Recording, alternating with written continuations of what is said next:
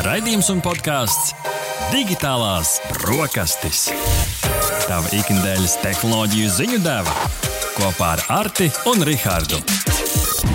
Labrīt, klausītāji! Sveicam jūs pie digitālo brokastu galda. Digitālās brokastis, tava ikdienas tehnoloģiju ziņu devu, kā jau katru piekdienas rītu. Ar jums kopā digitālās pasaules Gordons Remzijs, jebšu šefpavārs Artis un ar mani, kā, kā jau vienmēr, kopā mans piekdienas rīta gurmāns, jebšu cilvēks, ko varētu dēvēt par digitālās pasaules Gārfieldu. Tas ir neviens cits kā Rihards. Labrīt, klausītāji! Latvijas Rādio 1 un Radio Naba tiešraidē. Sveicieni arī jums, kuri klausās un skatās mūsu ierakstā, vai attiecīgi ir ieslēguši jaunāko podkāstu sēriju. Digitālās brokastis, kad vien vēlaties, varat baudīt populārākajās podkāstu platformās, kā arī Latvijas Rādio arhīvā, LSM.CLV, NABLV, kā arī Latvijas Rādio YouTube kontā. Šīs brokastis sastāvēs no eslām trīs daļām. Pirmajā daļā, kā jau vienmēr, subjektīvi, objektīvais ikdienas tehnoloģiju ziņu top 5. Otrajā daļā mums būs pamatēdienā saruna ar tehnoloģiju blogeri Lauru Aboliņu, japšu konsumeru no YouTube. Ieskatīsimies ar viņu šī gada gaidītākajās video spēlēs, kā arī šobrīd populārāko spēļu topā. Taču saldējā ēdienā ķirsītas kūkas mēs apskatīsim jauno Samsung S21 Ultra. Tas šodienas raidījumā. Līdz ar to, Rihard, ir atlicis tikai viens, 3, 2, 1. Ziņa numur viens! Uhu! Ziņa numur viens digitālajās brokastīs šodien par trīs miljonāriem, kuriem ir par daudz naudas. Trīs miljonāri amerikāņu investors, kanādiešu investors un izrēliešu gaisa spēku pilots. Katrs samaksājuši 55 miljonus ASV dolāru, lai 2022. gadā dotos privātā kosmosa lidojumā uz starptautisko kosmosa staciju, vēstīja TheVerge.com. Grupa ceļā uz staciju, kas atrodas virs Zemes aptuveni 400 km augstumā, pavadīs aptuveni divas dienas. Kosmosa stacijā viņi pavadīs astoņas dienas, kur nodarbosies ar zinātniskiem un filantropiskiem projektiem. Gulēšanai, starp citu, uh, fun fact, uh, jeb jautrais fakts, gulēšanai jaunajiem astronautiem nebūs atsevišķa vieta, jo, nu, protams, nulles gravitācijas apstākļos guļamais var izrolēt pilnīgi jebkur. Un, ja mēs uh, paskatāmies uz šo kā tādu uh, viesnīcas, uh, uh, viesnīcas tipa apmešanos, tad apmešanās šajā starptautiskās kosmosa stācijas viesnīcā izmaksā aptuveni 35,000 ASV dolāru par vienu nakti. Rihards, vai šis ir tavs nākamais galamērķis tajā brīdī, kad Covid-19 beigsies?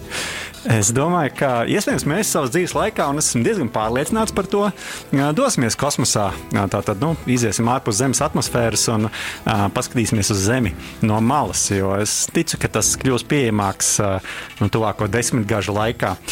Bet man ļoti interesē, cik viņi, nop, nu, jo viņi ir samaksājuši diezgan lielu naudu, vai ne, mm -hmm. lai nokļūtu šajā te, kosmosa stacijā. Droši vien, cik viņi nopelnīs tajā ceļā uz to, jo droši vien būs gan uh, realitātes šausmas visticamāk par to, kā viņi gatavojas tam visam, jo man liekas, tās mācības un gatavošanās ir arī tāds interesants uh, process. Kā tu domā, ka viņi pelnīs ar šo? Nu, es domāju, ka noteikti ka tur būs kaut kāda iespēja nopelnīt, un varbūt viņi pat beigās būs izgājuši plusos uh, ar to visu. Bet, uh, vai ne? To mēs nezinām. Bet, nu, garā ziņā, liela investīcija ir veikta, un es atgādināšu, Arti, ka mēs taču šajā, šī gada sākumā uh, prognozējām, vai būs kāds, kurš samaksās, lai nokļūtu kosmosā. Samaksās vai aizlidos? Tur jau tā lieta. Mēs prognozējām, ka aizlidos.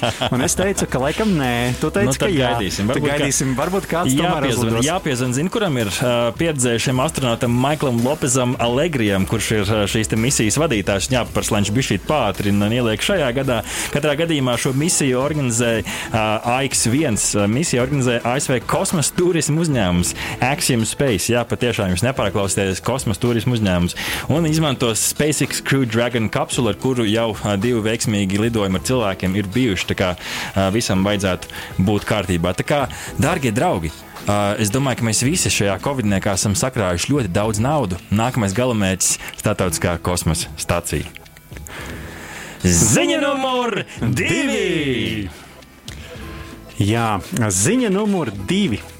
Kāds Garnādzis 2020. gadā ir ticis pie aptuveni 533 miljoniem Facebook lietotāju telefonu numuriem un Oho. tagad tirgotos Telegram saziņas port, platformā.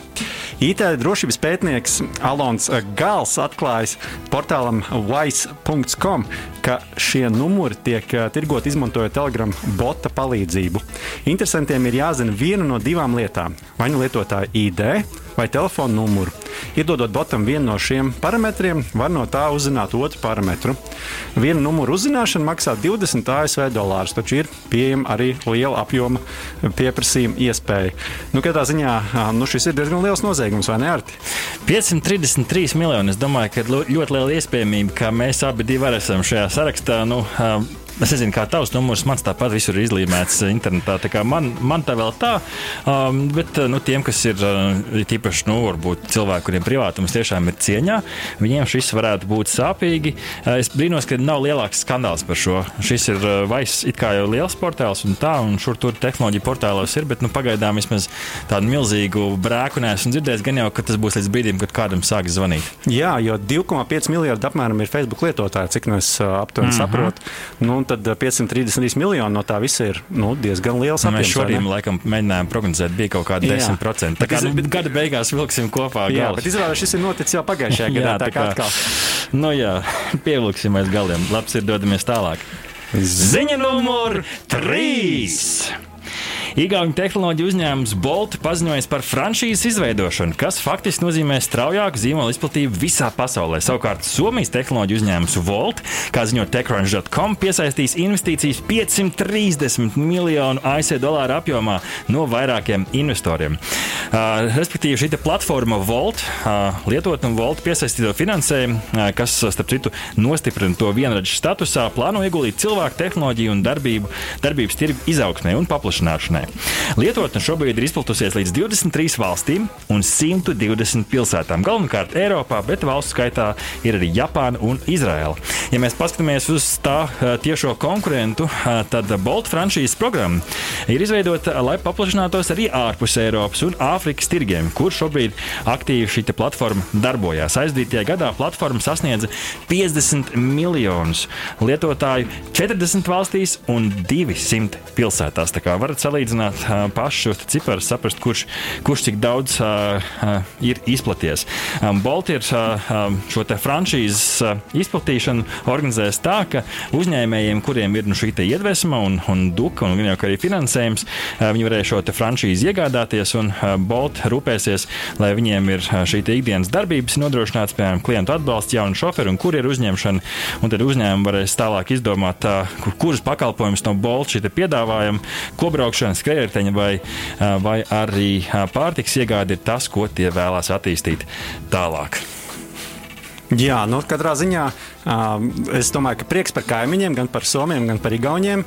Ticu, ka arī Latvijā būs kāds vienredzes, un tad jau varēsim ziņot arī par to, ka tas ir izplaties daudzās valstīs. Bet ir arī skaidrs, ka ēdienu piegādes biznesa attīstās un ir viena no tādām pandēmijas rezultātā strauji augošām nozarēm, kas noteikti saglabās savu nozīmi arī pēc atgriešanās, nu, saka, atgriežoties tajā normālajā ikdienas ritmā. Nu, vienmēr sakot, veiksmi un prieks par kaimiņiem. Man pilnīgi saniezējās nagi vai, respektīvi, drīzāk ceļi uzkāpt pašam uz savu velospēdu un pamēģināt, kā tad ir šo ēdienu piegādāt, kāda ir tā dzīve otrajā pusē. Varbūt kādu dienu, Rihard. Jā, varam dienu? izmēģināt viens vienā, otrs otrā platformā. Ziņa numur 4. Latvijas Universitātes Cietvielu fizikas institūta zinātnieki kopā ar kolēģiem no Igaunijas strādā pie optisko materiālu pētījuma, kas nākotnē varētu uzlabot kodolsintēzes reaktoru darbību neizsmeļams enerģijas iegūšanai. Kā dzirdēts, tas viss dzirdēts raidījumā Rīta panorāma. Pētnieks Aleksandrs Platoņenko to dēvē par mazu sauli uz Zemes virsmas, jo faktiski šī enerģija varētu nodrošināt gandrīz bez maksas elektrību, kas būtu gandrīz bez maksas. Optimistiskākais plāns ir šo reaktoru iedarbināt 2050. gadā. Pētnieks Platoņenko skaidro, skaidro, ka šāds kodolreaktors esot drošāks kā, piemēram, reaktori Černobiļā vai Fukushimā. Un, citēju, parastajā kodolreaktorā ņem urānu, liek iekšā, un tas tur sabrūk. Veidojas enerģija, bet ir ļoti daudz atkritumu. Atkritumi ir galvenā problēma, kas spiež cilvēkus no šādiem reaktoriem atteikties. Šādā gadījumā mēs ņemam ūdeņraža izotopus, kas ir droši. Liekam iekšā, saspiežam un rezultātā iegūstam hēliju, ko var izlaist laukā. Arī neitrons. Tas faktiski sanāk ļoti ekoloģiski. Citāta beigas.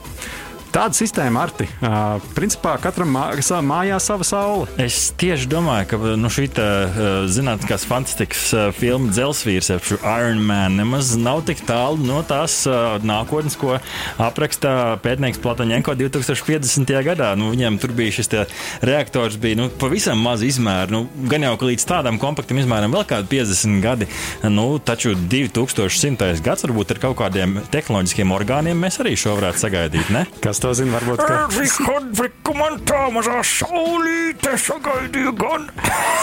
Svinēsim uh, digitālo brokastu uh, simtgadu iespējams abi kopā ar, ar šādiem reaktoriem. Bet uh, katrā ziņā liels prieks par Latvijas un Igaunijas zinātniekiem un ka mēs varam būt daļa no šāda liela pasaules mēroga uh, potenciāla. Mm, tas, kas ir, jā, tas, kas ir jāpiebilst, lai cilvēki nesāk uztraukties, ka mums te Latvijā būvē to mazo sauli. Es gribu izskaidrot to lietas būtību pavisam īsi, ka mūsu pētnieki strādā pie viena vienas nelielas daļas no visa šī reaktora. Man ka ar kaut tieši optiskajām iekārtām, lai tur tie dati plūst un, un viss notiek. Jo patiesībā jau šo visu, ja nemaldos, tad Francijā uh, būvē augšā. Uh, tad kā pie mums šo sauli nebūvē, bet mūsu cilvēki ir tik gudri, ka viņi savām spējām un zināšanām šo visu uh, veicina. Patiesībā zinātnieki no visas pasaules pie šī strādā, un latvieši nav vienīgie, bet arī mēs pieliekam savu roku, iespējams, vienu dienu pie bezmaksas elektrības. Tas tik būtu kaut kas. Ziņa numur 5. Pētnieki no Purdujas Universitātes, Jēla Universitātes un Massachusetts Tehnoloģija institūta ASV noskaidrojuši, ka Pārēju uz attālinātu darbu pandēmijas ietekmē rada ievērojamu ietekmi uz vidi, pārsūtīto internetu datu pieauguma dēļ. Pētnieku komanda aprēķinājusi, ka izslēdzot webkameru video zvana laikā, atstās e, šī izslēgšana, atstāja ekoloģiskās pēdas nospiedumu, šo iespējams samazināt par 96%. Izpētīts, ka tikai viena straumēšanas stunda vai vienas video sanāksmes laikā, atkarībā no dalībnieku skaita, vidēji izdalās 150 līdz 1000 gramu oglekļa dioksīdu. Šis izklausās ļoti sarežģīti, tāpēc es vienkāršošu salīdzinājumam. Sadegot aptuveni 4 litriem benzīna, apkārtējā vidē izdalās aptuveni 9000 grami, kā raksta LSM.LV. Tā kā Rihard, beidzot, man ir tas unikālais attaisnojums. Tu nemīli dabu, tu gribi, lai es ieslēdzu webkameru? Nē, mēs visi mīlam dabu, tāpēc izslēdzam webkameras. Jā, nu, taisnība jau ir. Dažādas nu, webkameras šis video patērē ļoti daudz resursu tajā internetu straumēšanā.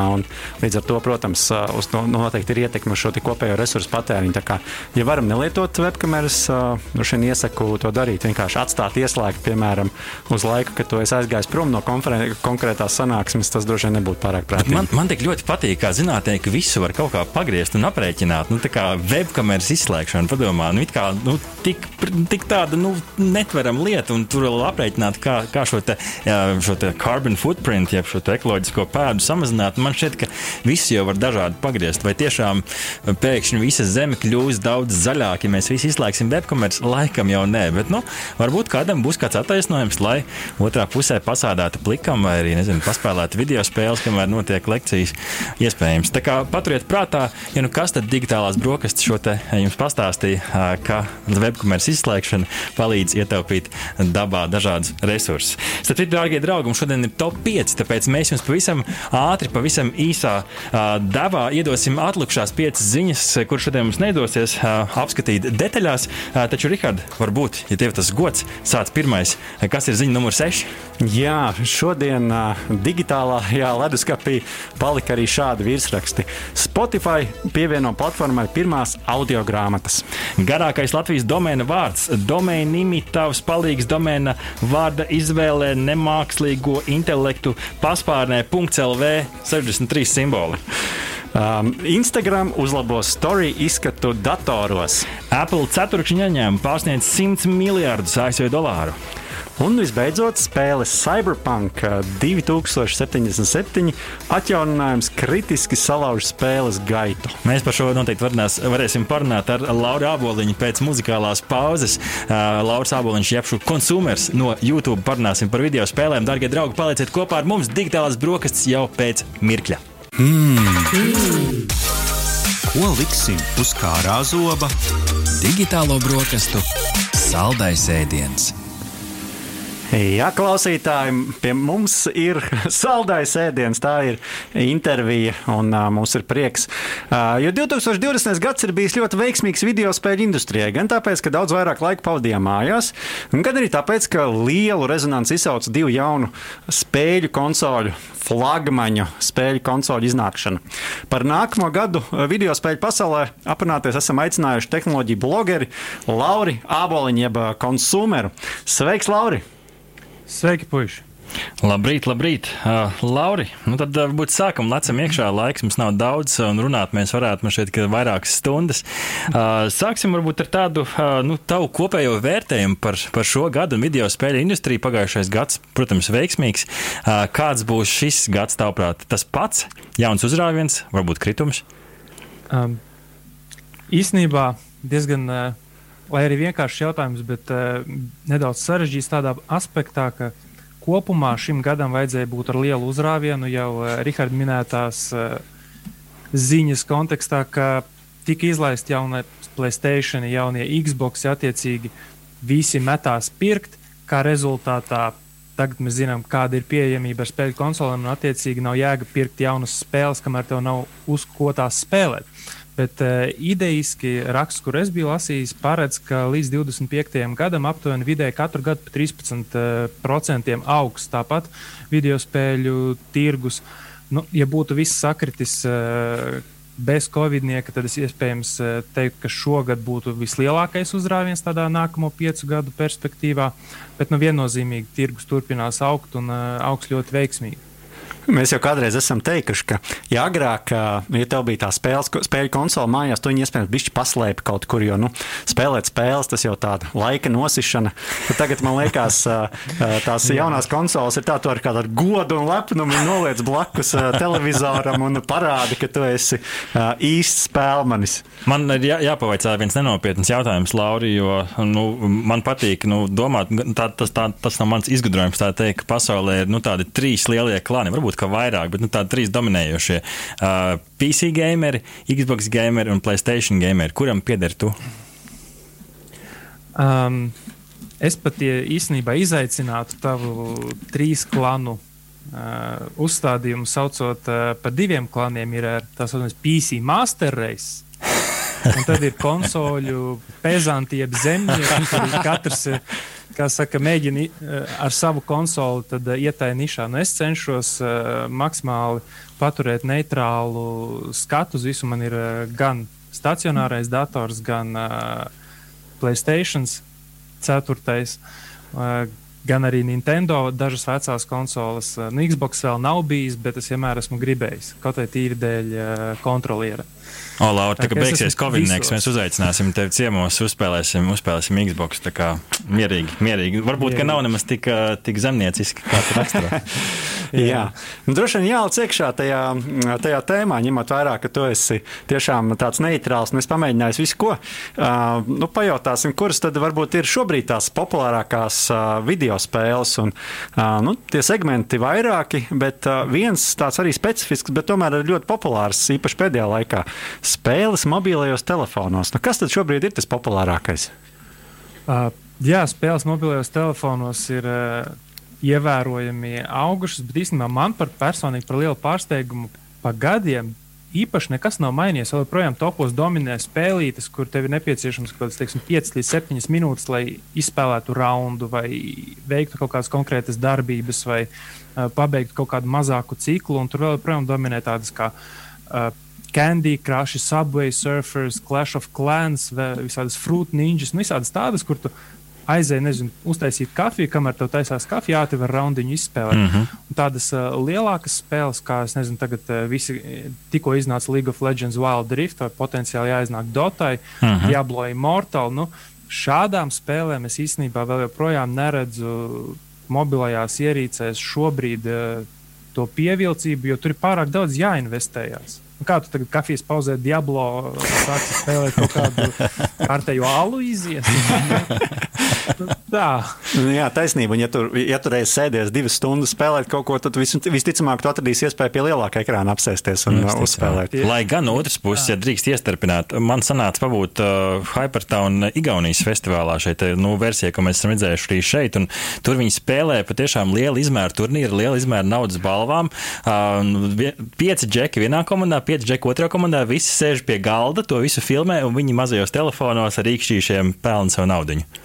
Tā kā nu, futūristiski. Iestarpināšu vēl vienu labāku par šī gada Hypertownu. Es uh, sadarbībā ar Goekas Animam uh, taisījām Fortnite turnīru Jā. šī gada Hypertownā. Un es vienkārši gar zemi vārtīdamies smējos, ka uh, pusaudzis kaut kā 13, 14 gadi uz iPada Fortnite izšāva visus mūsu spēļu traumētājus, kas uz datoriem spēlē. Redz, kā atkodas. Uz iPad. Rekā, ne, nemaz nav tādi, kā saka, konsoļi un, un telefonu vārgi. Redz, kā var izšaut arī tos, kas, kas spēlē no personāliem datoriem. Nu, labi, paskatīsimies uz tiem lieliem ekrāniem. Kas, kas tavuprāt ir iezīmējies šobrīd tajā topā? Tas pats tikai datorversijās vai arī kaut kas izcēlies, tavuprāt, ir? Nu, tradicionāli man par uh, mūždienu lielu pārsteigumu dominē spēles, kuras nu, idejas arī ir tāpat kā mobilajās platformās ļoti vienkāršas. Es nesaprotu, jau kuro gadu Minecraft visus topus vienmēr globāli pasaulē pārsit. Man par lielu pārsteigumu otrajās, trešajās, nu, teiksim, tā top pieciniekā ir arī Dienvidkorejas ražotas spēles. Piemēram, kurš no jums ir dzirdējis par tādu spēli kā Crossfire vai Dungeon Fighter? Es esmu dzirdējis, tāpēc, ka man mazais brālis spēlēja. Okay. Bet uh, tie, tie, kuriem uh, nav teiksim, jaunāka paudze, kas šādas spēlē, droši vien tālāk par World of Warcraft uh, īsti neko tādu lielu online uh, nav dzirdējuši. Tā kā jā, tādas uh, ir topos. Un, protams, arī vēl visādas uh, šaudīšanās, ja pirmās personas uh, šaušanas spēles kā Counter-Strike Go, PUBG, Fortnite. Nu, tie ir tie tradicionālie lielie, jo gan tās vizuālā pievilcība, gan tas, ka tev pārāk daudz nav jāiespringst, domājot, tie ir tikai uz uh, refleksiem, reakciju jāstrādā. Un ka tās arī dominēs laika nosišanai. Kur ir melnā avs, jeb šo Among Us šajā visā? Uh, ir tāds mīmīms internetā, kur uh, zinat to nāvi, kas klauvē pie durvīm. un tad viņai ir uh, aiz viņas ir trīs bildes. Ir Fall Guys, Among mm -hmm. Us. Un kaut kāda vēl bija viena uzlikta. Tā kā Nu, tas viss tā pīķos uh, iet un uh, pazūd. Un tas pārsvarā, es domāju, ka ļoti atkarīgs no tā, ko lielie datorspēļu straumētāji tajā brīdī straumē globāli. Uz to arī vairāk vai mazāk uh, pavelkās cilvēki tīri šajā multiplayer, jeb vairāk spēlētāju spēļu kontekstā. Tas, kas ir uz tā, ka tu viens pats iedziļinies un izēj spēlīti, nu, tur ir pilnīgi pavisam cits rangs un uh, tur viss dzīve, kā saka, ir savādāka pavisam. Jā, nu katrā ziņā tiešām interesanti dzirdēt, kas šobrīd ir tās aktuālākās spēles. Un, un nu, droši vien kaut kas pārklājas arī ar manu spēļu gaumi. Arī ar Artiņu noteikti ir, ir kaut Jā, kas, kas no šī tiek spēlēts. Bet parunāsim, paskatīsimies tajā kristāla lodē, lai gan patiesībā jau par šo gadu droši vien jau diezgan daudz kas ir zināms. Kuras tad būs tās gaidītākās spēles 2021. gadā, tajās populārākajās spēļu platformās? Nu, vai ir zināms kaut kas par mobilajām, šīm mobilo telefonu spēju? nu, teikt, spēlēm. Kas, kas ir tās gaidītākās? Vai, vai tur ir liels noslēpums, jo reizēm viņas tur iznāk un neviens nezina, kāpēc kaut kas kļūst populārs? Precīzi, tu tikko pateici to lielāko problēmu vai uh, situāciju ar mobilajām spēlēm. Neviens viņas nehaipo tā, kā haipo, piemēram, Cyberpunk. Nu, kurš atcerās kaut vienu reklāmas pasākumu tam pašam Clash of Clans, Candy Crush vai kaut kam tamlīdzīgam? Facebook reklāmas bija vienīgais, kas par to liecināja. Un, uh, tie, kas mēģināja uzhaipot uh, nākamo mobilo spēli, bija Blizzards ar savu Diablo Immortal. Tie, kas uh, varbūt atcerās pirms pāris gadiem, kā tā preses konference uh, noritēja, tad uh, zāle nebija sajūsmā, maigi sakot, uh, tika izsvilpts un nozākāts šis projekts un tā tālāk. Uh, tā ka nu, cilvēki iespējams vēl šobrīd nav tā nobriedusi paudze gatava tam, ka mobilajās vietnēs popularizē spēles. Bet tāpat laikā tāpat ir kaut kādas spēles jau tagad, kā saka, pipeline, kuras daudzi gaida. Tas pats Diablo. Tikko, tikko iznāca League of Legends Wild Rift, kas paņems atkal kaut kādu daļu šādu tipu spēļu piekritēji. Arī Dota plāno izlaist mobilo spēli. Tā kā jā, tādas būs uz mobilajām platformām, un es domāju, ka tie, kas interesējās, tie gaida nepacietību. Jā, es arī uzliku sev League of Legends Viņš pamēģināja, vēl viedokļi īsti nav. es kā piecus vai pat vairāk gadu spēlējot Clash of Clans, gaidu arī nākamo, nākamo atjauninājumu, kad būs kaut kas jauns. Redz, kā mēs katrs atrodam kaut ko savēju, un tad mēs gaidām vienkārši nākamo versiju, nākamo sezonu, vai kā, kā nu kurš to, to nosauc. Bet, ja mēs paskatāmies uz, nu, uz, uz datoriem, uz, uz konsolēm, kas ir tas, ko, ko gaida šobrīd visvairāk? Vai tā ir kāda jauna spēle, vai arī tas ir beidzot Cyberpunk patch vai atjauninājums, kas to visu salabos? Kā, kā tas izskatās no tavas puses? Uh, nu par Cyberpunk es nezinu, vai tagad uh, varam, varam vienkārši izskatīt to sirdi. Izskatīsim sirdi. Uh, paldies Dievam, vakar tika palaists beidzot pača, par kuru jūs runājāt, ziņās, labojums. Paldies yes. Dievam. Labi, manā gadījumā, kad man paveicās, es biju sentai misijai pāri, un uh, es izlasīju, man bija tāds. Eh, ok, whatever. Bet, uh, jebkurā gadījumā jā, tas ir izlabots, un uh, Cyberpunks viennozīmīgi bija uh, tāds ļoti ilgi un uz lēnas uguns kurināts projekts, kuru visi gaidīja. Es domāju, ka tas viennozīmīgi atstās uh, tā, tas launch events un viss, kā, kā tā spēle tika palaista kaut kādu iespaidu šī gada pārējiem izstrādātājiem, jo vēl tiek gaidītas ļoti daudz uh, tādas liela budžeta uh, spēles, kā God of War, tiks gaidīts uh, Gran Turismo, Forza, tas pats. Horizon Zero Dawn jaunā spēle, bet es pieļauju, ka tur izstrādātāji tagad skatīsies uz pieredzi, kur parādīja Cyberpunks, um, Cry arī, kurš vispār nezina, kad iznāks šajā gadā, bet nu, visi tās gaida. Uh, vai gadījumā tur arī nebūs kaut kādas nobīdes uz termiņiem, nu, grūti pateikt. Mēs, starp citu, starp citu, LSM Instagram kontā mūsu klausītājiem prasījām šī gada prognozes veicot, vai iznāks Grand Theft Auto 6 trailers, nevis spēle. Nu, kā tev šķiet, būs vai nebūs? Par ko tu balso? Nu, es teikšu, ka trailers būs līdzīgi kā tas bija ar Cyberpunk. Trailers iznāca, kurš bija bijis savādāks nekā pēc tam viss pārējais, bet uh, trailers būs. Es domāju, ka viņi ies marketingā līdzīgu ceļu kā gāja CD Projekt Red ar uh, Cyberpunk. Vai tu vari varbūt iezīmēt uh, kādas spēles, kas būs uh, ļoti gaidītas, vai ir ļoti gaidītas specifiski platformām? Nu, kaut kas, ko gaida tieši Xbox, uh, Playstation vai Nintendo spēlētāji? Nu, Playstation spēlētāji visdrīzākais gaida jaunās paudzes spēļu portus uz vecajiem Playstationiem. Uh mhm. -huh. uh, jo atkal jau, diemžēl, ir uh, tas bubulis. Kas jākustina, bet Cyberpunk, Playstation 4 versija un Xbox uh, iepriekšējās paudzes versijas nebija tās labākās portētās spēles, kādas ir pieredzētas. Tika momentā noņemtas no visiem uh, veikaliem, Xbox un Playstation. Līdz ar to, jā, arī es kā Playstation 4 spēlētājs uh, nezinu, kad es tikšu varbūt rudenī pie Playstation 5, bet uh, tikmēr es gaidīšu šo jauno spēļu Playstation versijas iepriekšējai paudzei. Tie, tieši tas pats sarakstīns manā skatījumā Far Cry uh, uz Playstation, uh, God of War, arī uz uh, Xbox jaunā Halo spēle viennozīmīgi gaidīšu. Īsnībā arī Nintendo Switch pats jaunais varētu šogad varbūt parādīties Switch 2, un attiecīgi arī jaunā Mario spēle, būšot arī Horizon spēle portēta uz Switch. Tā ka tādā ziņā ir visiem visām konsolēm eh, kaut kādas savas spēles, ko gaidīt. Es klausos, ko tu saki, un, un labo man, ja es kļūdos, bet vai es sadzirdu pareizi, ka tavās acīs šis gads ir, nu, priekš konsolēm tieši runājot, ir tāds pārējais gads, kad cilvēki pirmkārt tiek vispār pie pašiem dzelžiem, un otrkārt ir šīs te, uh, spēles, kuras vienkārši tiek atjaunotas vai pielāgotas, lai labāk iet uz svaigākām versijām? Uh, viennozīmīgi šis, nu, šim idejiski vajadzēja būt uh, labam pārējais gadam. Tas, diemžēl, būs slikts pārējais gads tīri dēļ resursu pieejamības un konsoļu pieejamības. Bet, uh, jā, kā saka, pe, nu, gribētos jau teikt, desmit gadi ar Placēta 4 noslēgusies, bet gluži nebūs desmit gadi. Un nākamā var sākties, un tas ir tas uh, paudžu nomaiņas uh, gads, kad tie, kas vēl uh, nebūs izlēmuši pāriet vai nepāriet uz jaunajām konsolēm, vēl cerēs izspiest maksimumu no savām PlayStation 4 Pro un Xboxiem. Laimīgie jau sāks skatīties, ko tad piedāvā jaunās 4K 120 Hz izšķirtspējas konsoles, kas arī nāk ar savu ēnas pusi visā pasākumā. Bet jā, tā nu, šis, es ceru vēl joprojām, ka šis būs labs beigās pārējais gads. Ja mēs paskatāmies uz konsolēm, un tagad varbūt nu, jau vairāk pārlicam uz to dzelžu pasauli, jo mēs, es ticu, ka mēs ar tevi par dzelžiem varētu vēl runāt vēl pāris raidījumus, bet nu, tomēr nedaudz, lai, lai pieskartos šajā ievadu raidījumā arī ar tevi.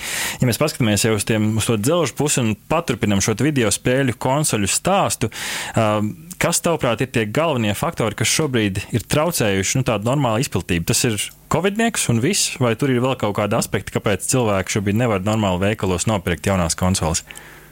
Uh, es domāju, ka tas ir. Uh pirmkārt, nu, varbūt ne tieši Covid-nieka sekas, bet tīri loģistikas ķēdes, kura tika ļoti ietekmēta dēļ Covid-nieka kaut kādā ziņā nespējas eh, rezultāts, ka nevar visu saražot. Jo iztrūkums nav tikai konsolēs, iztrūkums ir video kartēs, iztrūkums ir uh, parasto datoru procesoros, uh, vēl citās komponentēs. Faktiski vis, visā ķēdē, kas piegādā dzelžus kaut kāda veida spēļu platformām visur ir eh, vēl joprojām novērojams tas, ka loģistikas ķēde nevar savākties un visiem visu uztaisīt. Un cilvēki sēž mēnešiem rindā un gaida savus Playstation un uh, Xbox. Bet viennozīmīgi ir arī tas fakts jāņem vērā, ka visi bija izsalkuši pēc uh, jaunām konsolēm. Jo cik tu vari skatīties uh, visus mīmus ar uh, 120 kadru sekundē pie datora, kamēr tu savus konsolītes 30 kadrus mēģini izbakstīt un nesaproti, kas notiek. Līdz ar to šis lēciens priekš konsolēm, tīri grafiskajā ziņā, ir tik milzīgs, ka gribētāji pēc viņām ir tieši tikpat daudz, cik uh, savulaik bija pēc visām citām konsolēm. Tikai šobrīd visā globalizācijā ir vairāk iespējas tikt pie tām, un attiecīgi tu vari vieglāk izķert. Jo manā laikā, kad uh, visiem nepatīk gaidīt pirmo Playstation, mūsu vienīgā vieta bija bērnu pasaules uh, veikaliņš un vēl pāris. Un mēs nevarējām iet Amazonē, uzsūtīt tieši tā. Un tā tālāk. Tāpēc šobrīd ar to globalizāciju visiem ir pieejami te jau visi veikali, un uh, visi tad arī vienā dienā grib to nopirkt. Un uzņēmumi nevar sagatavoties tādam pašu uztaisītajam pieprasījumam. Um, nu, gribēju vēl, principā, virzoties uz tādu uh, noslēgumu, uh, gribēju jautāt par, par spēlēm kā platformu, jo Nu, mēs esam dzirdējuši, ka šajās te, uh, spēļu platformās vairs netie, nenotiek tikai pati spēle, bet tur tiek organizēti koncerti, performances. Mēs esam dzirdējuši par kāzām un izlaidumiem, kas notiek spēļu platformās. Nu, kā šī tendence varētu attīstīties nākotnē? Nu, ko, ko mēs varam sagaidīt šajā gadā? Kas, kas varētu interesants notikt uh, virtuālajā vidē, kas ir tieši spēles platforma? Um. Man personīgi šķiet, ka tā bija tāda nosacīta iesildīšanās priekš nedaudz grandiozāka plāna visā šajā sakarā, kas būtu tiešām virtuāli vai nu šīs papildinātās realitātes vai virtuālās realitātes tipa tusiņi, teiksim tā, kur tiešām visādi deadmausi un kas tur vēl, kas Fortnite koncertus ir taisījuši. Ka viņi iespējams bija tādi pionieri izmēģinātāji, kā tas strādā, vai tas strādā vai cilvēkiem patīk.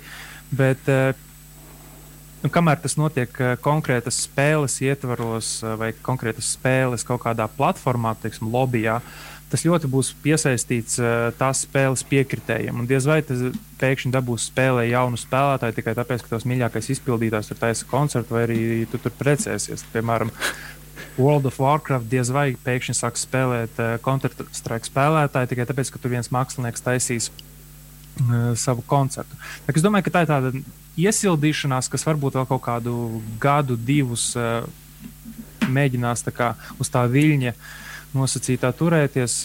Bet uh, Nu, tas tā. Mēs tev, mēs tev izmanto, es izmantošu iespēju pajautāšu tev vēl vienu lietu. Mēs arī prognozējām ar Arti, vai šajā gadā uh, Latvijā varētu uh, tikt piedāvāta tāda iespēja uztaisīt ballīti virtuālajā realitātē, uh, kur, kā saka, nu, piemēram, Facebook platformā mēs uh, satiekamies un visi ar, ar, ar virtuālās realitātes brillēm viens otru redzam un, un, un kā saka, kopā varam, uh, nezinu, pavakariņot, nē, nu vismaz pasēdēt kopā, uh, iespējams padējot vēl kaut ko. Vai, vai tiešām mēs šogad varētu kaut ko tādu sagaidīt Facebook platformā, piemēram? Nu, tam, lai, lai to varētu sagaidīt, tam ir nepieciešams arī inventārs. Vai šis inventārs tiks saražots šogad? Es būšu skeptisks, sakot, ka es domāju, ka šogad vēl nē. Jo arī Apple ar savām brillēm vēl īsti neko vairāk par līkiem nerāda. Līdz ar to nu, grūti vēl nocēt, ka īpaši vēl Latvijā mēs šogad piedalīsimies.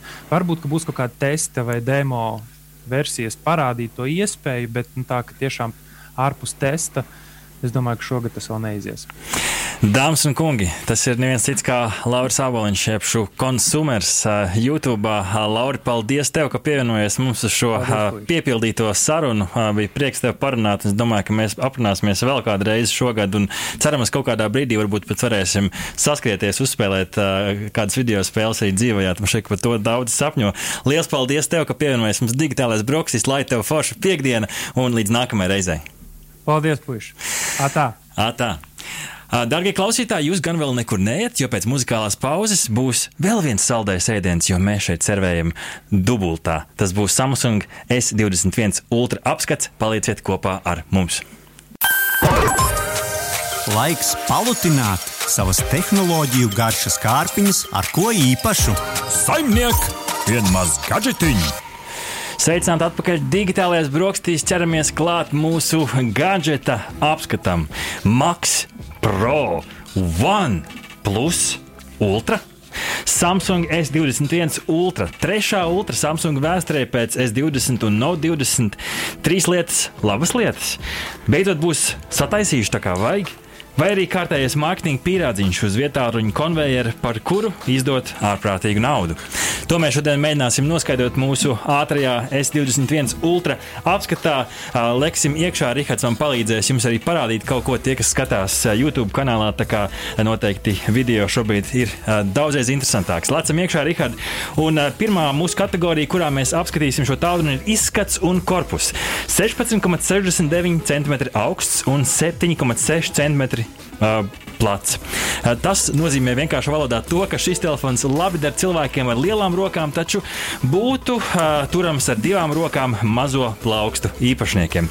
Pirmais, kas man vizuāli iekrita acīs, ir jaunā dizaina kameras modulis. Protams, skaists dizains nevar, nevar noliegt šādu līmeņu. Uh, kompānijas visas strādā pie dizaina, un šim jaunajam modulim, es ceru, ka jums nav caurumofobija, ir pieci melni caurumi.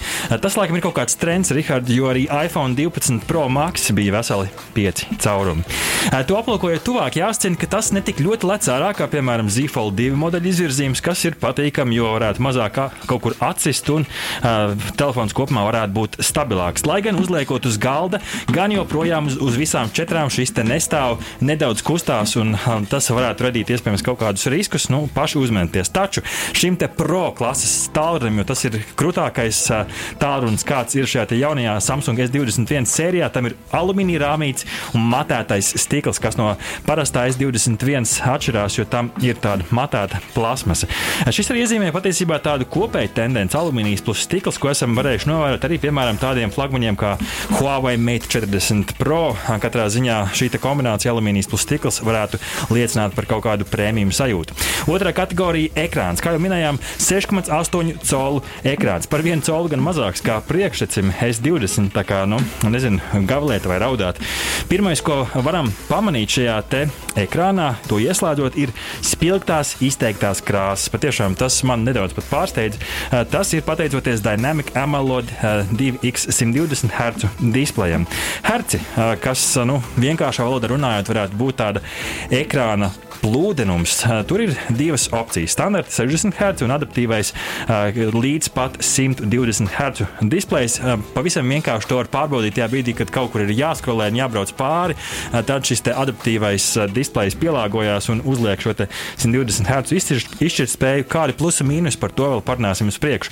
Aizsardzībai Cornela, uh, Gorilla Glass Victus stikls, uh, kā arī jau uzlīmēta aizsargplēvīte, kas ir patīkami. Uh, protams, ar nazi gan pāri nebrauc nebrauciet, to atstājiet, piemēram, Jerry Rig Everything YouTube kanālam. Parunāsim par skaņu. Nu, patiesībā nav daudz ko runāt. Nav kur īsti piesieties. Stereo skaļruņi, kas man pašam, protams, patīk, jo skaņa uzreiz ir pilnīgi citā kvalitātē. Salīdzināja arī dažādos speciālos skaņas testos, ko var redzēt arī, piemēram, YouTube kanālā. Es teikšu, ja neesi skaņafils ar absolūto, absolūto dzirdi, tad atšķirību grū, nu, grūti ir atrast starp šiem flagmaņiem. Taču katrā ziņā noteikti šo var baudīt. Šeit nav 3,5 mm audio jacks. Rihards, es nezinu, kuru reizi jau šo, šo saku. Līdz ar to man šķiet, ka mēs kopumā varam ar šo te telefonu apskatu pēdējo reizi šo pieminēt, jo es apskatījos arī uz kaut kādu citu flagmaņu piedāvājumu. Vai pēdējie, kam ir palikuši 3,5 mm audio jacks, ir LGV 60 ThinQ 5G, piemēram, tālrunis. Līdz ar to, Rihards, divas sekundes klusuma brīdis audio jackam. Vairāk mēs nevaram atļauties klusuma brīdi, citādi mūs izmetīs no radio. Tāpēc runājam tālāk par kameru. Aizgunē uh, kameras. Uh, četras kameras, sensors, zipspulds. Uh, pirmkārt, 108 megapikseli platā uh, kamera lāzera autofokus. Lai gan ko gan dod uh, pliki pikseli, uh, ja nu, beig beigās cilvēki tāpat šīs bildes skatās uz sajūtām. Un beig beigās šīs bildes apstrādā mākslīgais intelekts šajos tālruņos, un tad katram ir jāatrod tikai tā pareizā krāsu gama, kas tam patīk. Piemēram, zini, Rihard, ka tev testējot arī tavs sieva paskatījās šīm bildēm un teica, fuj, citi iespējams saka, o, kas par krāsām. Nu, tā, tā, tā laikam ir gaumas izjūta. 10 megapikseli periskopu telefoto ar 10x optisko zūmu un 10 megapikseli 3 optiskā zūma kamera, respektīvi divas telefoto kameras. Nu, ko lai šo, par šo sāku? Šī lock-on, jeb šo pieslēgšanās feature, jeb šo iespēja, funkcionalitāte atrisina galveno problēmu. Uz 100x zūma katījās rokas, bet šobrīd šis viss ar mākslīgu intelektu pieslēdzās un nofokusējās. Lai gan otrs puses 100x zūmus, 100x pievilkšana. Man šeit tas joprojām ir krūts mārketinga triks, kas īsti neataisno sevi. 10x zūmus. Lūk, tā jau ir kategorija, kur mēs varam iegūt arī kādas labas, tuvāk pievilktas bildes. Un, protams, 12 megapikseli platā kamera tā arī iedod noteikti kaut kādos konkrētos brīžos papildus kaut kādu efektu video. Līdz pat 8K 24 frames per second. Bet lielais jautājums, vai tev tiešām šito vajag?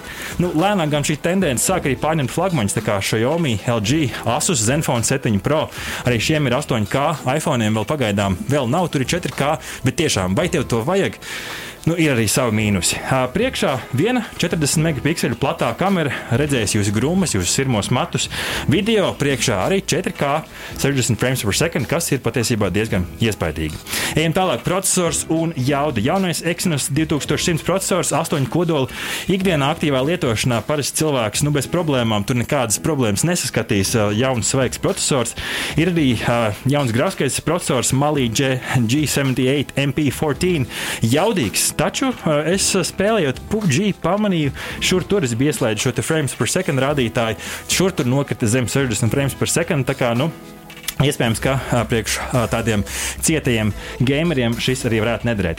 Atmiņa. Runājam par atmiņu. Nākamā kategorija nav vieta ārējā atmiņas kartē. Es nezinu, kādu, ar kuru apskatu mēs šo noliksim pie malas, bet nu, tāda vēl ir palikusi, piemēram, tādiem tālruņiem kā Asus, Huawei un LG flagmaņiem.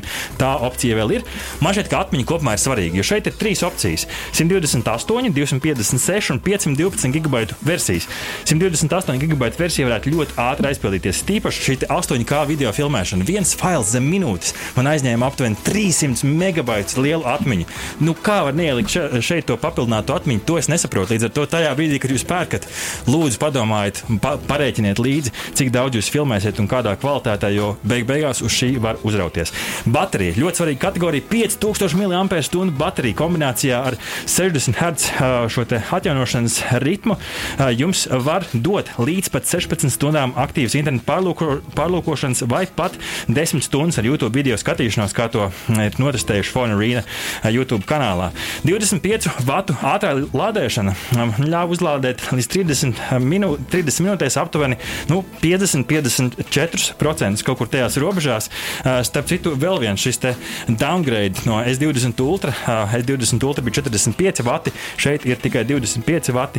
Nu, Spēdiet paši, bet nu, baterija katrā ziņā ir liels pluss. Parunāsim par lietojamības mīnusiem. Pirmkārt, nenāk līdzi lādētājs štekers, tikai Type-C apusējais vats. Nu, es nesaprotu, es š, par šo es vairāk cepjos, bet uh, Samsung lietotāji nav vienīgie. iPhone šo trendu uzsāka un visi arī uh, attiecīgi seko. Nu, Labi, gan jau kādu dienu, bet nu šobrīd ir tāds sāpīgs pārējais posms. Irbuļa piedēklītis. Tā es saukšu šo te, uh, ultra stāstu par zīmolu, kas man sākumā ļoti sajūsmināja, jo regulāri izmantoju šo te beig beigās uh, notestēju ar veco Note 9 irbulīti. Nu, strādā jau forši, taču, ja jāpērk papildus case, tas varētu būt uh, nu, tāds diezgan tāds trakns kabats mīnus. Protams, es jau pieminēju 8K video failu milzīgā, milzīgais izmērs un augstās ekspektācijas. Man šķiet, ka mūsdienās vienkārši sāk grūtāk paliek grūtāk piepildīt. Lietojamības plusi - uzlabots fing fingerprint reader, jeb priekšnospiedumu lasītājs atslēdz nu, 2,9. Pat Note 9 ir būs reaģēja zibenī, kas ir, protams, plus un ir vieta divām simkartēm. Visbeidzot, cena. Cenas kategorija nevaram, protams, nosaukt precīzi uh, jums, bet uh, nu, kategorijā no 1150 līdz 1450 eiro slieksim atkarībā no komplektācijas. Es teikšu, gandrīz vai vesela gada studiju maksa. Nu, padomājiet, tiešām vai jums šo te vajag. Rezumē, liekot Samsung S21 Ultra vietā un uz digitālo brokastu svaru kausiem, jāsaka, ka Samsung ir izdevies uztaisīt jaudīgu, ilgdzīvojošu un elegantu lielizmēru vietā. Tiem, kam patīk liela ekrāna, šī noteikti ir opcija, kur apsvērt. Vai ir vērts mainīt no S20 Ultra? Mm, ja tev ir daudz naudas un tev vajag jaunākās tehnoloģijas tā kā ēst, labi, aiziet. Visādi citādi varbūt sagaidīsim atlaides. Rezumē no manas puses, īkšķis gaisā, Rihard, rezumē no tavas puses. Es saku, īkšķis vidēji. Īkšķis vidēji, Arnold, īkšķis gaisā, īkšķis vidēji, īkšķis vidēji. Līdz ar to nu, tāds līdz galam ne augšā tas īkšķis, kaut kur starp vidēji, kaut kāda 0,75 īkšķi. Nu, tā, tā, man šķiet, ka vienkārši grūti mūsdienās jau pārsteigt, ka visi, visi ir tik labi telefoni visās kategorijās. Nu, liels paldies, ka klausījāties šo te apskatu, Rihard. Kas mums nākamnedēļ? Jā, nākamnedēļ mēs pievērsīsimies kosmosam. Pie mums būs RTU eksperts, un mēs runāsim par jaunumiem un potenciālām gaidām no 2021. gada. Un ķersītas skūkas stājas korekcijas viedierīces apskats. No sirds paldies, ka mūs klausījāties. Mūzikas redaktors Girds Bišs, pie režijas pults Arnolds Auziņš, raidījumu veidoja radionāba autori Artis Ozoliņš un Rihards Blēsis speciāli Latvijas Radio uh, 1. Arrivederci! Tu klausījies digitālās brokastis. Katru piekdienu no 10 līdz 11. Arī podkāstu formātā, populārākajās platformās. Digitālās brokastis. Tava ikdienas tehnoloģiju ziņu deva.